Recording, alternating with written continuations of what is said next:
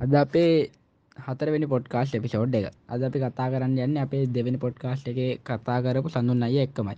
අද අපි ඉතින් එදා කතාකර අපි මේ සොෆ්ට ඇනිරෙන් ගැන්නේ ඉන්ටනෙට්ගෙන් සල්ලි හොයන විදි ගැන.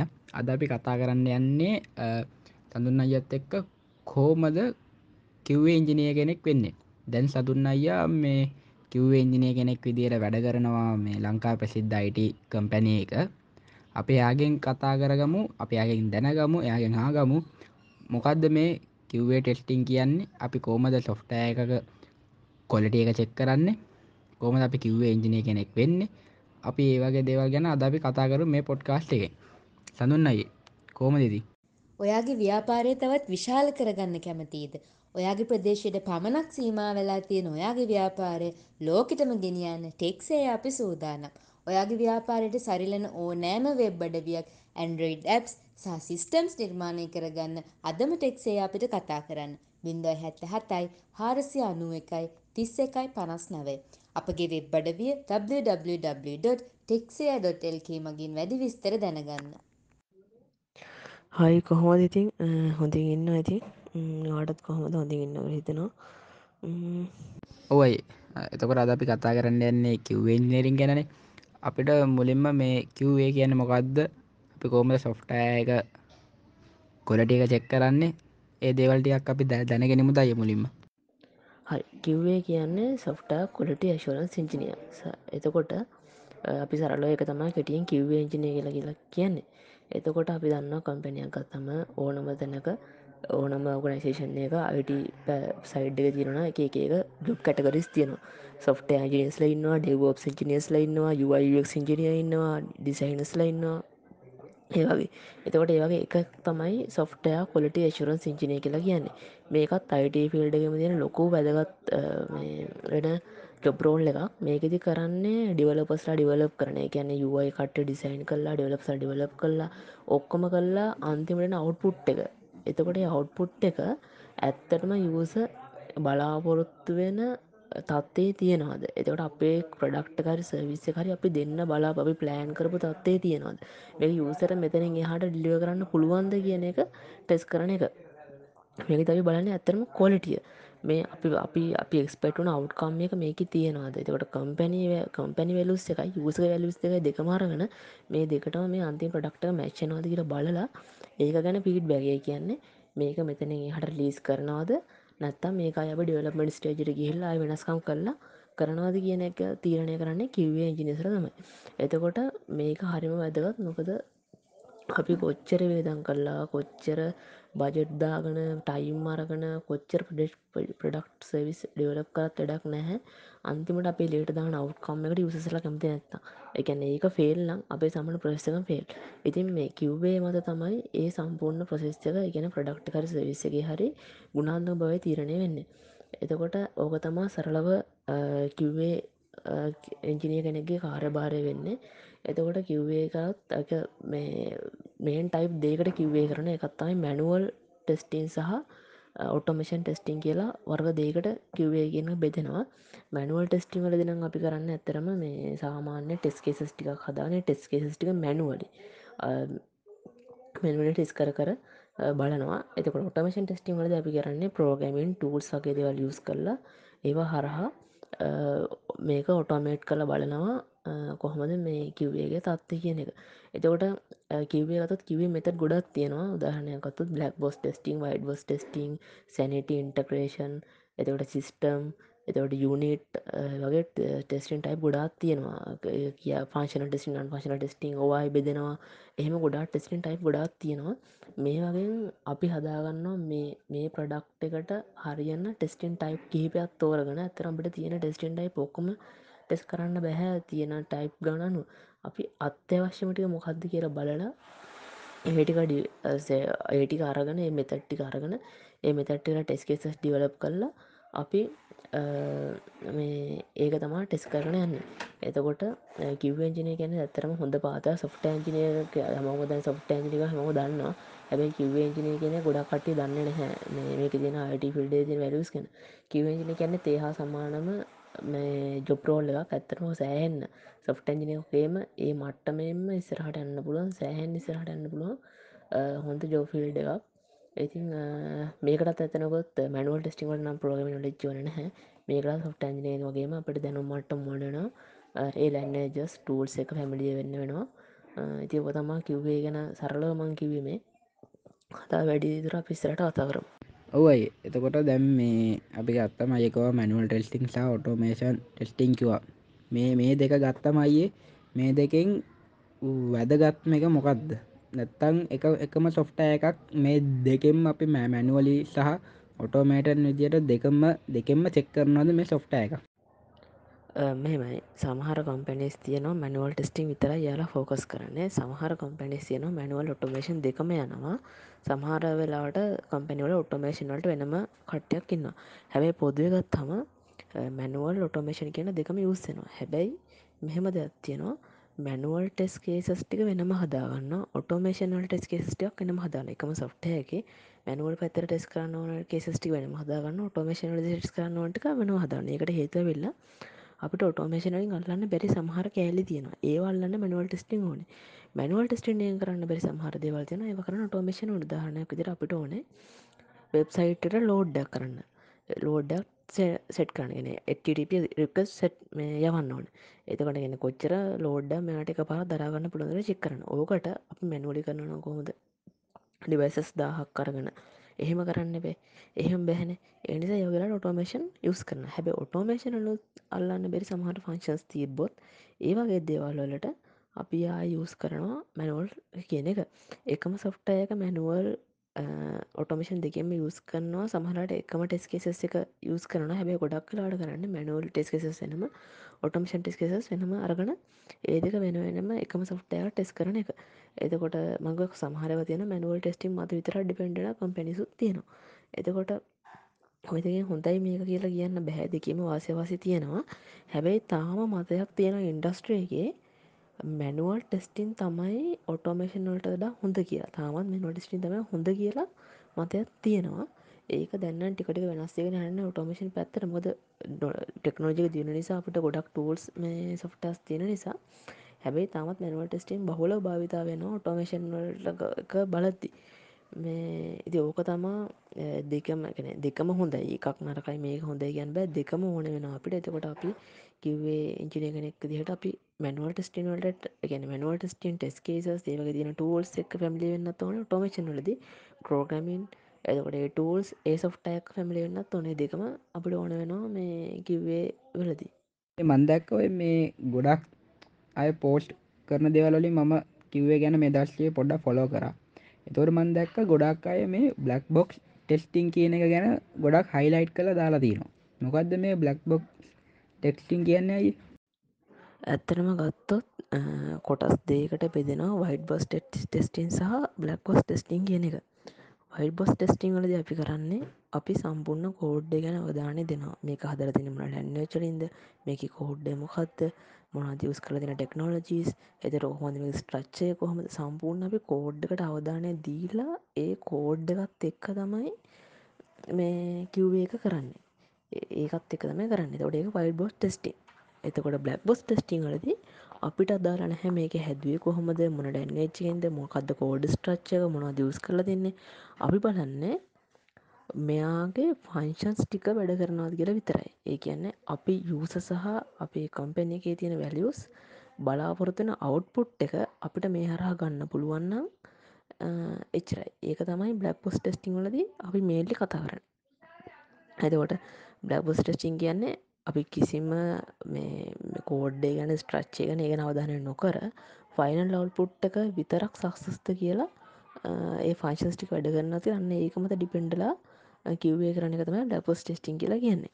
එතකොට මෝ බ්ලක් බොස් ටෙස්ටිං වල මේ ප්‍රධාන කොටස් ප්‍රධාන පිය මේ තුනක් ගත ටෙස්ටින් ටයි් තුනගත එකත්තමයි functional testing non functional testing ටිකෂන් testing කියලා කියන්න. ෆංශනල් ටෙස්ටිං බලන අපි සාමාන්‍යෙන් අපි හදන සොෆ්ටක තියන්න ඕනම ෆංශස්ටික තියෙනවාන.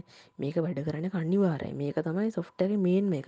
ඒක ටෙස්ටිං කළ බලන්න නන් ෆංශනල් ටෙස්ටිං වලදි කරන්නේ තියෙන අනිවාරණය හැබැයි තිබ්බොත් හොඳයි කියලා හිතන ටික අරුණ ටෙස්ටිං කරන්න ටිකෂන් ටෙස්ටිං ලදි කරන්නේ අලුත් අප්ඩේට් එකක් හරි අලුතෙන් මොන හරි පේට් කරොත් අන්න ඒක ටෙස්ටිං කරන එක අලුතින් ඇඩ්ඩුන කෑල්ල ටෙස්ටිං කරන එක.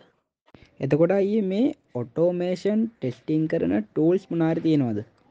දැන් සොෆ්ටයා හෝ ටෝල්ස් අන්න එමනර තිනද මේ ඔටෝමේෂන් කරන්න සොෆ්ටයා උදාරකට ඇන්ඩරෝයිඩ් අප එකක් ගන්න ඒක ටෙස්ටිං කරන්න මොනාර මේ ඔටෝමේෂන් වලින් ටෙස්ටිං කරන්න ටෝල්ස් තියෙනවාද?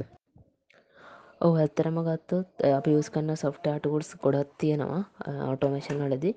මං ෆේමස් මටික කියන්න වෙබ් ටෙස්ටිං වලට ගත්තොත් වෙබ් ටෙස්ටිංට ගොඩම් මිස්රන සෙලේනියමෙන් සයිප්‍රස් කියන එක.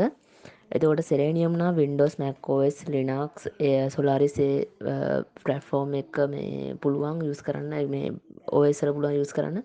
සජිප්‍රස් කියන එක වින්ඩෝස් මැක්කෝස් නක්සර යස් කරන්න පුළුවන්. මේ දෙකටම කෝඩිං ඕනේ. මේ එදකොට මේ යස් කරන්න බලන්න සයිප්‍රස්න යන්න නෝ ජාව ස්ක්‍රප් එක. සෙලේනියම් නම් අපිට ජාව සීශාව පයිතන් ජාවශප් ටෝබි පප පර්ල් ඔයගේ ලැන්න එජක යස් කරන්න පුළුවන්. එතකොට සයිප්‍රස් ඔය ගත්තු සයිප්‍රස ලබට ඇඩ්ඩාන්ස් ටෙස් රිපෝට් ගන්න පුළුවන්. එතකට මේ දෙකම අපිට සිලනිමගෙන ෆ්‍රී සයිප්‍රසන අපට ෆ්‍රී ගන්නත් පුලන් පේඩ්ඩෂන්නේ ගන්නත් පුළුවන්. එතන වාහ මොබයිල් ලප් ටස්ටිං කරන්න නම් ගොඩම් යස් කරන්න ඇපියම් ඇපියමලදි ඇන්ඩරෝඩ් ඩයිෝස් ෆලටෆෝර්ම් දෙකම අපිට ටෙස් කරන්න පුළුවන්. මෙයාලා සපෝට් කරන වින්ඩෝසන් මැක්කෝස් දෙකතුරු එතකොට මේකටත් කෝඩිං ඕනය අපිට. එතකොට ඇපිමුත් අපිට ජාවා සීශාව පයිතන් ජාවිසිප් රෝබි පිචි පර්ල්ලගේ දැන්න එක යුස් කරන්න පුළුවන්. තව තියෙනවා කැටලන් ස්ටඩියෝ කියලා. කැටලන් ස්ටඩියගේ වෙබ් API මොබයිල් ඩෙස්ටොප් මේ හැම එකම්ම වින්ඩෝස් මැක්කෝස් නස් කෙනවට යස් කරන්න පුළුවන්. ඇතර මේ ගොඩා ලේසි මේක සවඩල් ලැන්නේ චැවිල ජාවඇන් ගරඩි කියර ලැන්නේ චත්තියෙනවා ඒ ලැන්නේ චලින් කරන්න පුළුවන්. ඉතින් බේසිකල කම්පැනයක් ගත්ත සාමාන්‍යයෙන් ඇපියන් තමයි බයිල් ඇපට යස් කරන්නේ. අයිකටන ස්ටඩියෝ අනි වෙබ්වලට ගන්නවන සයිප්‍රසන් සෙලේනියම් ගොඩා කැඩ්ඩාස් යනවන තමයි සයිප්‍රස් වලට යන්නේ. නෝමල් යස් කරනවනම් අපි යස් කරන්නේ මේ සෙලේනියම් තමයි. ඕක තමා බේසික් ගැන අපි සාමාන්‍ය හැම කොම්පෙනගෙන සාමාන්‍ය යස් කරන සොෆ්ටයන් ටෝස් ටික තමයි ඔය ටික. තව ගොඩාත් තියෙනවා. ඒ කියන්නේ තව කිව්වොත් තව සෑහන ප්‍රමාණ මේ විද්‍ය ටෝමිෂන් ටූල් සැවිල්ල තියෙනවා. තව අපිට දෙන කලව් ටෙස්ටින අපිට මේ කලව් එක ටෙස් කරන්න පුළුවන්. ලම්ඩ ටෙස් කියලා තියෙනවා. ඒවගේ තියන අපට කලව් බේස් ඒවා පර්ෆෙක්ටෝ කියලා තියෙන කලව් බේස ටෙස් කරන්න පුල ඒ අරුන් හම තියෙන මේ ටූර්සික තමයි යරටික ගොඩම්ම ඔටික තමයි සාමාන්‍යෙන් යුසෙන්නේ හොඳම මිලකට වෙබ් හොස්ටිං SMS ගේට්වෙස් සහ ඩොමේන්ස් ගන්න අදම රාවන හොස්ට් අමතන්න. බින්දයි හැත්ත හතයි එකසිය හැට දෙකයි විසි හතරයි විසි අට. අය අපි කතා කරමුද මේ සොෆ්ටයා ටෙස්ටිං ලයිෆ් සයිකල් කියන එක ගැන ඕ අපට ඇත්තනම සොෆ්ටයක ඩෙවලප් කරද ලයිෆ්ස කරලා තියෙනවානේ ඒකන්න අපිට ඒක ඒ ප්‍රසෙස් එක ලේසි කරගන්න ඒක කොටස්වලට පෙදලා හදපු එකක් තමයි ඔය ලයිෆ් සැකල්ලක් කියලා කියන්නේ. එතවට ඒක හරහා අපි කරද අපිට ඇත්තරම ගොඩක් ලේසියෙන් ඒදේ කරන්න පුළුවන්. ඉතින් ඒක සොෆ්ට ඩෙවලපමන් ලයිෆ් සැකලකට වගේම සොෆ්ට ටෙස්ටින් ලයිෆ් සැකල් කියලයකුත් තියෙනවා. මේ ගන්න සොෆ්ට ටෙස්ටිං ලද පලම ස්ටේච්ක තමයි රෙක්කමන්ට් ඇනලයිසිස් කියන්නේ. මේක දැපි කරන්න? අපි මොකක්ද මේ ටෙස් කරන්න? මොන රික්කාමන්ඩ අපි ටෙස් කරන්න යන්නේ? එතර මොනගේ අපි ඇප් එකක්ද වෙබ් එකක්ද? එත ඩෙස්ටොප් ඇපලිකේෂන එකද අපි ටෙස් කරන්න යන්නේ? මේ මොනවද මේක තින රික්කාමන් මොනාද විස එක්ස්පෙක්් කරන්න? එතට මොනවාද කොම්පැනි වැලස් ඒටික අපි මේ ඇනලයිස් කරන්න ලයිස් කරලා අපි බලන එක තමයි රෙක්කම ඇල්ලසිසිගෙද කරන්න. ඇතරම අපි ටෙස් කරන්න මොනවද? එතකොට ඒ තියෙන අපි එක්ස්පෙක්ට ටව් එක මොකක්ද අන්න ඒටම රෙක්කමට ඇලසිසල්දි කරන්න. අපි හඳුන ගන්න මේ මොකක්ද කරන්න එක අඳුනගන්න එක. ටෙස් ප්ලෑනින් එකේදී අපි කරන්නේ. දැන් අපි අඳුනගත්තන. හරි අප අඳුරත මේ මොබයිල් ලැපත්තම ටෙස් කරන්නන්නේ ටෙස් ප්ලෑනින් එක තැයි බලන්න මොනවා අපි මොකත්ත යස් කරන්නේ. හරි එවට අපි හරි අපි තීරණ කරන හනමද ඇපියම් යස් කරන්න මේ මොබයිල් ලැපෙන්ස ඇපියම් යස් කරන්න එතකොට මොන මොනවගේ දේවල්ද අපි ටෙස් කරන්න යන්නේ? මේකට අපි යස් කරන්න ටෙස්ටිම් මෙත ටික මොනවාද? ෆාංශනල් ටෙස්ටින්ද එතකොට බ්ලක් පොස් ටෙස්ටිං ලියනද වයිට ටෙස්ටිං ලියනද එමනත මොනමනි ස්මෝක් ටෙස්ටිං ඉන්ට්‍රේෂන් ටෙස්ටිං එතට ටෙස්ටින් ටයිප් තියන මේ වල මොනවාද අපි මේකට ගන්න ටෙස්ටින් ටයිප්ටික ඒටික තීරණය කරලා ඒටික් ගන්න ඊළඟට අපි බලන්න මේක මැනුවලි ඔටෝමේෂන් දෙකෙන්ම කරනවාද? නැත මැනුවල විතරක් යනවාද? එහෙම කියලා අපි මේක සම්පූර්ණ ප්ලෑන් කරන්න අදාර සම්පූර්ණ ස්තරට හදාන්න දැ හරි අප අප ගත්ත. ඔන්න මුලින් අප අපේ ොන්ට තිරන කර. එක්කමට ඇන්ලස ඒ හරිටස් ප්ලන ද විදිරන්න හරි මේක මැනුවල් ඔටෝමේෂන් දෙකෙම යනවා. එහෙනම් මේ ඔබයිල් ඇප අපි ඇපියම් යස් කරන ජාව එක ඔන්න ටෙස් ප්ලන් එක. ටෙස්කෙස් ඩිවලප්මට අපි දැම් මේක ටෙස් කරන්න අපි මොනහරි කේස් ටෙස් කේසස් ටිකත් තියෙන්න්න පැ එහනඟයි පටන්ගන්නවා මේක ම තියෙන්න්න මෝන මොනවාද කියර බලල අපේ ප්‍රධාන හාර බාර බලල එකට අනුව අපි ටෙස් කේස සදාගන්න මැනුවල් ටෙස්ටිංවලට බලනවා. මැනුවල් ටෙස්ටිංවල බලනවා. මෙයාගේ පේමට කරම් පේමට වැඩනවාද? ඒක තියන්ටි අපි බලාගන බලාන එක ටෙස් කෙසිටි හදා හදාගන යනවා. එතකොට ඔටෝමේෂනල් දැයි බලනවා. මැනුවලින් කරන්න බැරි ඔටෝමේෂන කරන්න පුළන් මොනවාද? ඒටිකට ටෙස් කෙසිටි හදනවා. ඊට පස්සේ විදිහට අපි මැනුවල් ඔටෝමේෂන් බෙදාගන ටෙස් කෙසිටික හදාගන්න දැන් අපි මනුවල් ටෙස්නට අපි ජීර යුස් කරන්න ජීර කියරගන්න ඔටම්ෂන් ටූල්ලට අපි හිතමකෝ සරේන මියස් කන්න අපි මියස් කන්න දට අපියමටික ටෙස් කෙසිටි හදන්න වෙනම ටෙස් කෙසිට ඩිවල කරගන්න හඩසව ටෙස් එන්නරවන් සටප් කියන මේ ටෙස් කරන්න නකට දැන් අපි ඇපියුන ඇපිය මිස්ටෝකල් ඇපියම් සටප් කරගන. එතකොට මැනුවල්නම් අපි ඒකට දැන් ජීරක වෙනම ඒක වෙනම ඩෑශ් පෝඩ් හදාගන ඒටික අපි මේ කරන එන්නරමට දාලා අයිඩ සොෆ්ටය ටූල්ස් එක සටප් කරන තම ටෙස්සෙන්න්න සටප් කියල කියන්න. ටෙස් එසිකෂන් කියන්නේ අපි අරකරපු ටෙක්ස් කේසිටිකට අපි තිරරෝ ටෙස්කේ මේ මහද ලැන්න ජස් ටෝල් සොෆ්ට යස් කරලා ඒ ක්‍රමටි යස් කලා මෙදට යස් කරලා අපි ටෙක්සේ ටෙස්ට කරන එක. ටෙස් කලෝෂ කියනක අපි කරන්න ඇතරම ටෙස් එක අවසන් කල් අවසාන මොකක්ද අපිටාව ෆයිනලයිස් එක. අපි කියන මොකක්ද ගත්ත නිගමනය? මේක අපි රිපෝට් අජනට කල්ලා මොකක්ද අපිට කියන බල මොනවාද අපිටාපු මේ අඩු පාඩු මොනවාද අපිට හම්බුණ වීක්නස් එතකොට ඒටික තිරණය කල්ලා ටවස්සේ මේක කොහොම ෆයිල් පුට ලිට දෙනවාද නැද්දි කියල තිරණය කල්ලා ඒටික තිරණය කළ. සම්පූර්ණ රිපෝට්ටක් හදලා ඒතනින් හට තිරණ ගන්න තම ටෙස් ලෝෂ කල කියන්න. ඔටික තම සරලවම මේ සොෆ්ටා ටෙස්ටින් ලයි් සෑකල්ලගේ තියෙන්නේ. ආයුවත් requirement analysis test planning test case development test environment setup test execution test closure කියන එක තමයි අපි මේ සාමාන්‍ය මටෙස් සොෆ්ටා ටෙස්ටින් ලයි් සැකල්ල කියලා කියන්න. අපේ කියන්නේ අපි ලයිෆ් සයිකල් එක ප්ලෑන් කරලා තමයි අප ඒකට ඔටෝමේෂන් ටෙස්ටිං හෝ අපි මැනුවල් කරනවන අපේකට මොකද යුස් කරන ඔටෝමේෂන් කරන මොකද යුස් කරන සොෆ්ටය කියලා ඩිසයිට් කරන්න අපි මේ සොෆ්ටයගේ ලයිෆ් සයිකල් එක බලලා. එමනේද අපේ කියන්නේ අපි ලයිෆ් සයිකල් එක ප්ලෑන් කරලා තමයි අප ඒකට ඔටෝමේෂන් ටෙස්ටිං හෝ අපි මැනුවල් කරනවන අපේකට මොකද යුස් කරන ඔටෝමේෂන් කරන මොකද යුස් කරන සොෆ්ටය කියලා ඩිසයිට් කරන්න අපි මේ සොෆ්ටයගේ ලයිෆ් සයිකල් එක බලලා. එමනේද ඕ අනිවාරම ලයිව් සෑකල් කියන එක ඔටෝමේෂන් වනත් මැනවලුනත් ඒක පොද්ද අපි කොහොම කරත් අපි ලයිෆ් සෑකල් කියන එකත් එක්ක තමා යන්න. ඇතර මේකට අපට එන්න මේ ඇද ඒක තීරණය කරන්න මේ ඕන අපේ කිව්වේවලට ඉන්න හෙඩ් කෙනෙක් හෙඩ් කිවේ එදර යාල තමා තීරණය කරන්න මොනවාද කන ටෙස්ටිං කෙටෙස් කේසස් මොනවාද ගන්න ප්ලෑන් සිතකොට මොනවාද ගන්න මෙතට්සේ කියන්නේ ගත්තොත් දැන් හිතන්නක ස්මෝක ඉන්ට්‍රේෂණය කරන්නවා දෙතකොට ස්මෝකට ගන්න මොන්න මොන්න කොටස්ටික ඒටික තිරගෙන යාලා එකට ඒකට වෙන වටින්නවා එතකොට ටෙස්කෙස ටිවලප්මන්ට් එකටත් ගොඩක් කලාට යාලගේ මේ ගයිඩ්ඩන්සි අනුව තමා එම ඩෙස්කෙස ඩිවලප් කරන්නේ. ඔය ඇතරමති ටෙස්කෙස ලයිෆ් සෑකල්ල එක මත ඩිබන්ඩලා තමයි අනිත් මැනුවලනත ටොමිෂනත් ප්‍රසෙස්සක යන්නේ. අයි එතකට මොකක්දයි මේ යුයි ටෙස්ටිං කියන්නේ? ඒ ගැන යුයි යුයිත් මං කරනවා. යුක් කරනවා. ඒකතකට ඒක ටෙස්ටිං කරන්න කෝමද ටෙස්ටින්නක් කියලා කියන්නේ අපි යසර පෙන ග්‍රප්කල් ියස ඉන්ටවේස්චරන්න යසර පේන ටික අපේ ප්‍රඩක්් එකේ අපි එකන්නේ අපි බලාපොරොත්තුන විදිහට තියෙනවාද කියන එක උදාහරණයක් ගෙට අපි තමකො මහල් බන්න කලික් කරහම එක වැඩ කරන්න එනම් ටෙස්ටෙන් එක ෆෙල් තමට අපි හිතුවට ඔක්කොම ටෙස්ටෙන්න හරි කියලා ඉස්පෙලි මිස්ටේක්ස් තියෙන්න්න පුළුවන්. එහමනත් සයික දැන කැපිටල් මියස් කල තවදනක සිම්පල් කැට මාරුලා යුස්සල තියන්න පුළුවන්. එහනත්තං අපි යසගේ දාලති නිමේජස් යසට අමාරුවෙන්න පුළුවන්. එහෙමනත්තං ගොඩක් කලාට මෙනු ඇතන මෙනු බයගත්තින එක ගොඩක් කම්පලිකේට එන්න පුළුවන්.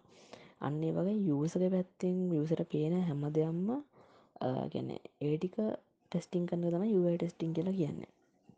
ඒකෙද අපි බලන්න යුසක්ස්පිරෙන්ස් යුස ස්පිරන්ස බලන්නගේ මේක දැයි බලන්න යසර කොහොමද මේ ෆෙක්් ඉෆෙක්ටන්නේ කියලා අපේ ටෙස්ටිම් පැත්තේ එතකොට දැහිතන් මෙහම බටන් දෙයක් තියෙනවා එක ළඟ තියෙනවා. එක කලික් කරහම අනිත්තිකට යන අන්න ඒවගේ දෙවල් නැතුව ඇත යුටස්ටිං කියන හරි ලයිසි ටෙස්ටින එක අනි ටෙස්ටිම තට්ක බලති මේ මේ මැනුවල මේ මැනුලි කරන්න පුළන් ඔටමේෂන් කරන්න පුළුවන්. ගොඩ මැනුලි කරන එක මේ කන ලේසි. මොකද අප ටෝමේෂන් ටූල්ලෙගින් ස්පෙලින් මිස්ටෙක්ස් බලනට මැනුවලික මේ බලක සැහැන් ලේසිනේ. මේ ඉතින් ඒ වගේ දෙයක් තමා මැනුවලි අපි කරන්නේ. මේ එදට ටෙස්ටිං අන්න යසර පේන යසක පැත්ත ටැෆල් යුස එන්ට පේස් එක තියෙන මොනවද අඩු පාඩු ඉශෝස් මොනවාද කියලා හොයනක තමා යටස්ටිං කියලා කියන්නේ. ආහරය ඒ කියන්නේ අපිට මේ යසක පැත්තෙන් පෙන යුසට ආම් පෙන්නේ ළමන වටසප්පේ ගත්තොත් චට්ටික තියෙනවා අයින අයිකරන්න එක තියෙනවන්නේ වගේ පේන ස්පෙලෙස් මිස්ටේක් ඒකම තමයි මේ හදන්න මේ යුව ටෙස්ටිං වලින්. අයතකොට අපි කෝමද මේ කිව්වේ ඉංජිනය කෙනෙක් වෙන්නේ? ඒකට අයිආපු ස්ටෙප් එකයි කෝමද කිව්වේ කෙනෙක් වෙන්ඩ අපි ස්ටඩි කරන්න ඕන විශවසොයාගන්න කෝමදයි මුලින් මට කිව්වගේ හන්ඩස්ට්‍රික සච්චක් කරන්න ආවට ට කිවට එන්න බාදන් ටෙන්ඩක් කියලා. ඇතරම කිව ටෙන්ඩක් කියලා තියන්න. හැබ ජොබ් අඩුයි. මොත කිව්වේ කියන එක මහල්ලෝ ගැන්නේ කොම්පෙනට මහල්ලක කිව ප්‍රමාණයක් තියක නොමනවන්න එයට කිව්වේ ඕන ලිමිට ප්‍රමිට් ප්‍රමාණත්තමයි කිවේ ඕන වෙන්නේ. මොක දෙක කිව්වේ කෙනට මැනුවල් ඔටමේශන හැමිස් කිල්ලකම තියෙන නිසා. එතකොට කිවගත කිවට නාසන කරන්න මුලින් මැනුවල් ටස්ටිම් පැත්තිගෙන ගන්න. එකෙන් පටගන ොඩ ලෙසි මනල් ටස්ටිම තියන ටෙස්කේ සල්ලියන්න කොහොමද? එතකොට ටෙස්කේස් කියන්න මොහත්ද මටෙසින් ටූල් තින ජීර බක්සිලාගේ ටූල් තියන ඔය ටූලින් ඔය ටූල් වැඩ කරන විදිිය ඇඩි කරගන්න එතට ටූල්ලක් වැඩ කරන්න කොහොමද? දැන් ජීරණන් ජීර එක තියෙනවා. ස්ලැක් එතකොට සේෆගේ පලගන්ස් තියන ඒවත් එක් වැඩ කරන විදිට චුට්ටක් ස්ටඩි කරන්න. ඒ හරම ලේසි මේ මැනුවල් ටෙස්ටිං තනිම ටෙස්කෙසස් ලියන්න. ඩිප් ඩිවලප් කළ ටෙස්කෙසස් ලියලා මොකක්කරුව හද වෙබ් එකට ඇ් එක ටෙස්ටික මේ රේස්කියුට් කළ බලන්න. වැඩ පස්සේ මේ ඔටෝමේෂන් වඩ යනවනම් ඒකවා ටාගට් කන කම්පින නස්සෙනවා ඔයාට මොබයිල් ලැප් කනන ඇපම එක හැමිලි වුණනම් හරි ඇපම එක කලන්න එච්චත් ජාව පයිතන් සීශාප ගොඩක් සපොට් කරගර හැමලන්න එච්චමිගෙන ගන්න ඔන්න ඔට ජාව පුළුවන්න ඇපම එක ඇති. දට ඇපම් එක ජාව ඉට පස්සේ ඔයා වෙබ් ටෙස්ටිං කොමත්ති කරවන එතකොට වට සෙලේනියම් සයිප්‍රස් මේ දෙකම එක හැමලි වෙන හොඳ සෙරනිම සෙරනියම් සයිප්‍රස් එක වෙන හොඳ එතකොටවාට මොබයිල් ඇප්පතත් කාව වෙනවා වෙබ් පැත්තත් කා වෙනවා ඒපිය පැත්තත් කා වෙනවා. එතකොට මේ තුනම කා වෙනවා. එතන මැන්නුවල් ඔටමිෂන් නම් ඔයා ඒ ටූල්ටික ස්ටඩි කරනම් ජීර බක්සිලා එතකොට සයිප්‍රස් සෙලේනියම් ඇපියම් තව තියන්න එක ටූල් සරමංකිවේ ඒවා වැඩිය ලොකෝට යුස්සෙන අර සාමාන්‍ය කිපටික යුස් ඒටික වෙනවාට හොඳ අයිඩිය එකක් තියෙනවන එයට යුස් කරලා තියෙනනම් ස්පිරස් තියෙන ඔයාම හද පැප්පෙක්ටවා වැඩ කරලා තියෙනවන ඕට පුළුවන් ලින්කෙන්ඩගේ ඕන තරන්ගන්න ඉන්ටර්න්ශිප් කරනවා ඒගේම එක්ස්පිරස් තියෙන නැතින් හයි ඕක කියන්න ඔන්න හැන හල දන්නවන ඉන්ටර්ශිප් මේ දසල ගන්න කිව්වේ වලට ගොඩක් තැන්වල. එතට ඒකට ඇප්ලයි කරලා වාගේ ස්කිල්ස් පෙනල වලටක් ගාලා හවාගන්න පුළුවන්. ඉතින් වාල රිසෝදසන රිසසන ඇතරම මේ යුඩමි තියෙනවා. යුඩමියල්ල බයි කරන්න සල්ලන හැ හැමෝට මතියාගේට යුටප තම යුටබ් එක සලනීම කර හොත් යුටබ් එක. මගේ තන බල්ලි වර කරන්න බෙරිතරන් ටඩරසනවා අනිතික ටඩරස් බලද්දි මටත් ඔන්න දෙයක් කියනවා මේ ළඟද මට මේ ඒ පේජ එකක් කරන්න ගිහිල්ල බලදි චුට්ටක් මේ ළඟදි දා විඩස් කන්න අවුදු තුන හතර පරණ විඩස් කන්න බා මේ තේරුමන්න හැ මේ ඒට නොඩිස් මේ ටොලිසිද වෙනස්සලා තින්නේ නිසා ළඟදි දාහ පුළුවන්තර රීසන් දාපු විඩියස් බලන්න YouTube එක ඕන තරන් තියෙනවා. යුටබ ඕන තරන් තියෙනවා අට රිසර්ස් ගන්න පුළුවන්. නම ගහපු ගමන් ඕන තරම් මේ එනවා. ඉතින් වාලා ඒකින් තම YouTube හොඳ පලට්ෆෝර්ම ඉගෙන ගන්න ඕන.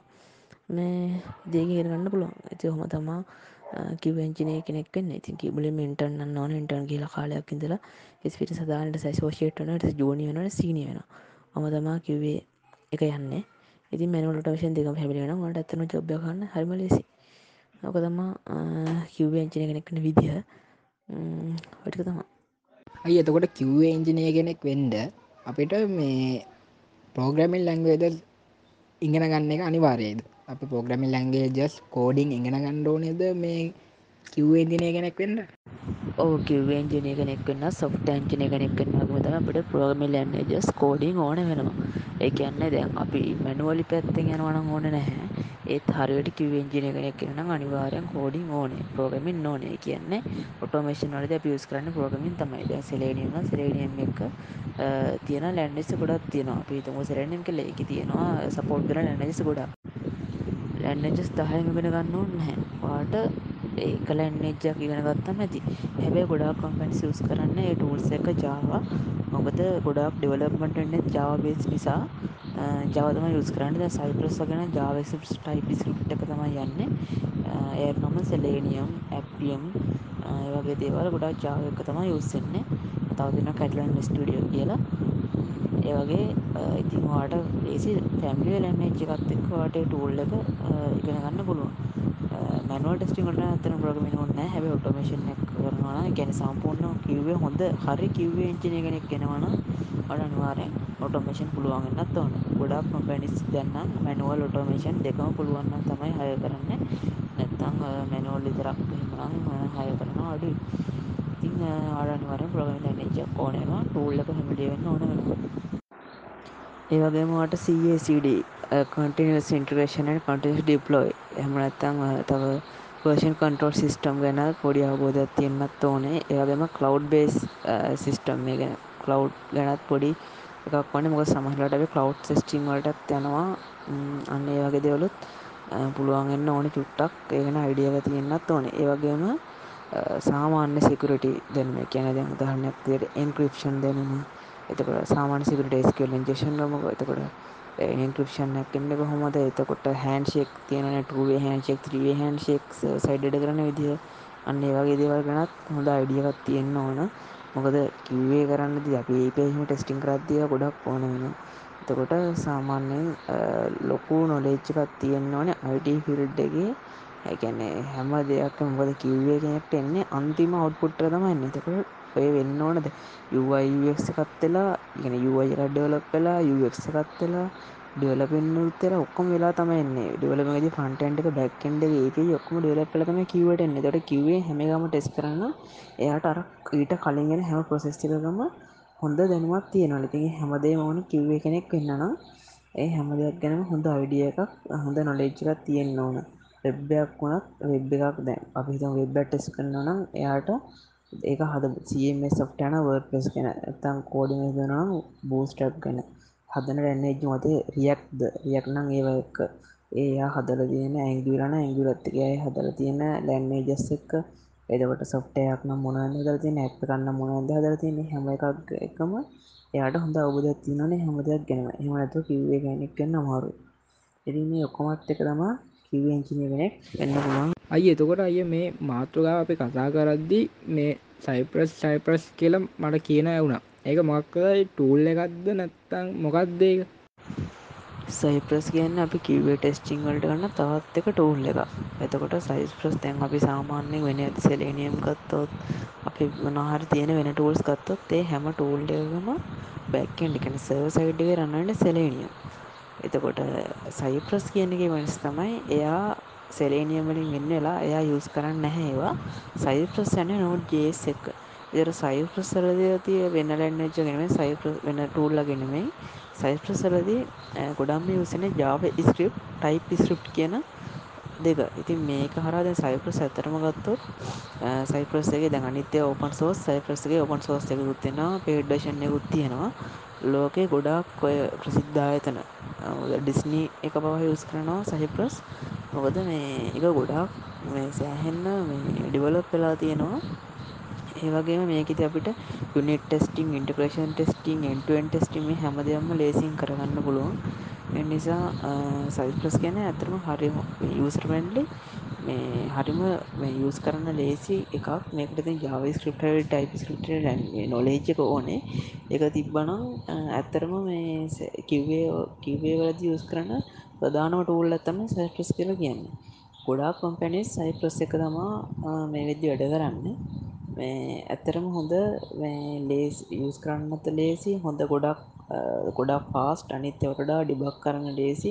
ඒවගේම මේ සයිප්‍රසකේදී අපි වෙන වෙන ටූල් යස්ටම් මේ කොට රන් කරන්න වෙනම මොකක් හරිකක් ඕනෙනවා එතකොට සයිප්‍රස්සර තිගෙන වෙනක් වෙනම රන් කරන්න අදාල් දේවල්ටයක් ඕනෙනවා හැබැයි සයිප්‍රස්සලදී ජාවස්ක්‍රප් මොචා කියන එක එයාල ඉන්බලට් එනවා. එතකොට අපට ටෙස්ටි කරන්න කරන්න කල්දර වෙන්න ඕන්න අනි අනි ටූල්ස් ප්‍රේම්වක් කළ වගේ. ගොඩක් හොඳ එකක් තමා මේ කිවයට සයිපස් ඉගෙන ගන්නනම් සෑහෙන්න සෙලේනියම් සයිපස් කියගේම ඇපම් ඔය තුනත් ඉගෙන ගන්නවා ගෙනක සෑහෙන්න කිවවලට ගොඩක් පටිනවා සයිප්‍රස් ගැන සරලවකිවේ සයිප්‍රස් ගැන ගොඩක් තියෙන ඉගෙන ගන්න. මේ සයිපස් ්‍රීස් කල්නම් බලන්න වෙනවා එකට ඉතින් ඒටි ගෙන ගන්නවා එතකොට දැන් ඕකේ තියෙනවද මේ කිව්වේ වල ඉන්ටර්නල් ටෙස්ටිං ඕපන් ටෙස්ටිං සහ ලෝසිං ටෙස්ටිං කියන එක? මොකද ඕක ගැන මටාවේ මේ මම දැන් සාමානය අප අප කඩ්ඩ ගොලප් කරලා ප්‍රේස්්ටය එකට දාද්දී ඒක අපිට ඉන්ටර්නල් ටෙස්ටින් දාන්නට ඕපන් ටෙස්ටින් දාන්නට රස්ස කලෝස් ටෙක්ස්ටින් දාන්න පුළුවන්. නැත්ත අපට කෙලිම ප්‍රඩක්ෂන් දාන්න පුළුවන්. මොකක්ද මේ internal testing closed testing open testing කියන්නේ ඉන්ඩනල් ටෙස්ටිං කියන්නේ අපි අපේ හැදුවට පස්සේ ඒක ඔලව ඩෙවලපමන් ටීම් එක ඇතුළ ටෙස් කරන එක. ඒ කියන්නේ ඔලගින්න ඩෙවලපමන් ටීම් එක ඒ කට්ටිය අතර ටෙස් කනතුමා ඉන්ටර්න ටෙස්ටිං කියලා කියන්නේ. එතර පෝස් ටෙස්ටිං කියන හේති කරන්නේ ඒක අර පේලිස් වශන්නේ කියලා කියන්න අපි. කෙනවාට ගොඩාම විශ්වාසන්ත කට්ටිය අර ඒ වගේ අර ඉන්ටර්න ටෙස්ටිංකට වැඩි කට්ටියක් අතර ටෙස් කරන්න එක තමා කලෝස් ටෙස්සින් කියලා කියන්නේ. ඕපන් ටෙස්ටෙන්් එකේති වෙන්නේ ඕනම වෙනක් ඇවිල්ලයාගේ අප ටෙස් කලවට පිට්බැක්ක දෙන්න පුළුවන්. ඒක සාමාන්‍යයෙන් අර ඉන්ටර්න ටෙස්ටින්න එකට වඩා වැඩි ප්‍රමාණයකනේ මේ කෝස් ටෙස්ටින්නේ කරන ඊටත්තර වැඩි ප්‍රමාණයක් තමයි ඕපන් ටෙස්ටින්න එකට එන්න. එතොට ඒකෙදී වාට ටක් ගාල අනිත්‍ය උසෙස්ලගේ තියෙන එරස්යාට දැනට බක්සේව දැනගන්න පුළුවන්. ඒක තමා ඕපන් ටෙස්ටිං කියලා කියන්නේ. අයි එතකට ඔය කිව්වේ එජනරිං පැත්තට කිව්වේ ටෙස්ටිං පැත්තට යස එක්ස්පිරියන්ස් කියන එක බලපානවාද? යක්ස්පිරියන්ස් කියන එක සාමාන්‍ය බලවන්න දැත්තරම් අපට ඩක්ට ෙ ක්ස්පිරස් කල්ලනන්නේ හැබයි අප ක්ස්පිරන්ස නහර ප්‍රශ්නයක් තියෙනවා. ටෙස්ටින් එක අපට හුණොත් හෙන්න තමක ටෙස්ටිම තරට අපට හුණ අපිට රිපෝට් කරනවා. එතකොට ඒක එයාලා එකයි පිස් කරනවා. සාමාන්‍යයෙන් අපි යස් පැත්ත ලොකොඩ බලන්න හැබැයි සැලකයුතු ප්‍රමාණයක එකක් තිබ්බත් තව එකත් රිපෝට් කළ දානවා. ඕයි මම එතරවා මේ මටත් මේ පොඩ්කාස්ට ගාන කට්ටියටත් කිව්වේ එන්ජිනේරිං ගැන මේ අයිඩ එකක් කාවා අයත් එක කතා කරපු එකෙන්. අය එතකොට මේ අයට අන්තිමට මේ කිව්වේ ඉංජිනේරින් ගැන මොක්කරි දෙයක් කියන්න තියෙනවා අපිට? ඔයාල සමහට ප්‍රීලාන්ස කනෙක් එන්න ඇති. කම්පැනි කන අනිවාරෙන් කිවේලට නොටියමයක් ඉන්නන. එලා ප්‍රීලාන්සින් කරනවනම් වාලා තනියම ඩෙවලක් කන ඩෙවලක් ටීමයක් කරනවනම් අනිවාරෙන් වාල මතක තියාගන්න හොල ඩක්ට හරි සවිස්ස කරි ඉවර වුණ ගමන් ටක් කල කලයින්ට දෙන්න යන්න එක අනිවාරෙන් ඔයා ඒක දැන් ගොඩක් කට්ටි කියනනේ මට රේටස් නෑ මට රියවුණෑ මට ගොඩ සෙන්න එක ඒකට හේතුවක් එන්න පුළොන් කලින් කරපු වැඩ හරිට ටෙස් නොකල දුන්නට පස්සේ. අපි දෙයක් කල්ලා ටෙස් නොක දුන්නට පස්සේ ඒක බක්ගෙන අයරයනවා ඉට පස්ස කලයින්ටායි අපෙන් වැඩක් ගන්න නැහැ. එනිසා අනිවාරෙන් ඔහයා තනය වුණත් කරොත් දෙයක් ඩිවලක් කරොත් අනිවාරෙන් වාත් එකට කිව්වේ නොකර දෙන්න එක හරියටම දශවටම කිව්වේ කරලා හරි විදිහට ප්‍රඩක්ට වස සවිස්සක ඩෙලිව කරන්න. අනිත්තේ කිව්වවෙරට එන්න කෙනෙක්කින්නවන අර කිව්වගේ අර පාත්තික ස්ටඩි කරලාට කිව්වේ කෙනෙක් වෙන්න පුළුවන්. ඇග ඉස්සරහට අපි මේ ගැන තව කතා කරමු. පුළුවන්න වීඩියෝ සරගනන්න ඉතිං ඒක තමයි කියන්න. තිය අතන කිව්වේ කියන්නේ සොෆ්ට ඇන්ජිනීර වගේ ඒ හා සමානම ලොකු වැලිව එකක් තියෙන ලොකු ඩිමාන්්ඩ එකක් තියෙන ජොෆ්ලඩ් එක ඉතිං පුළුවන්නම් හැමෝ සොෆ්ටන්ජ රැල්ලට ඇන්නතු මේවා තමා පිජනිටිස් කියන්නේ. ඒවටත් එන්න බලන්න. ඉතිං මං හිතන මේ මොන හරි දෙයක් ලැබෙන්න ඇති කියලා. ඉතිං ටෙක්සේකටත් තැන්ගිය අපි ඉස්සරහති තව මේ ගැන කතා කරමු. එනම් අය ටැංකව් කතා කරපු ගම පොඩ්කාස්ට් කරාවට හරි තැංකව වලත් මේ චාන්සක දුන්නට.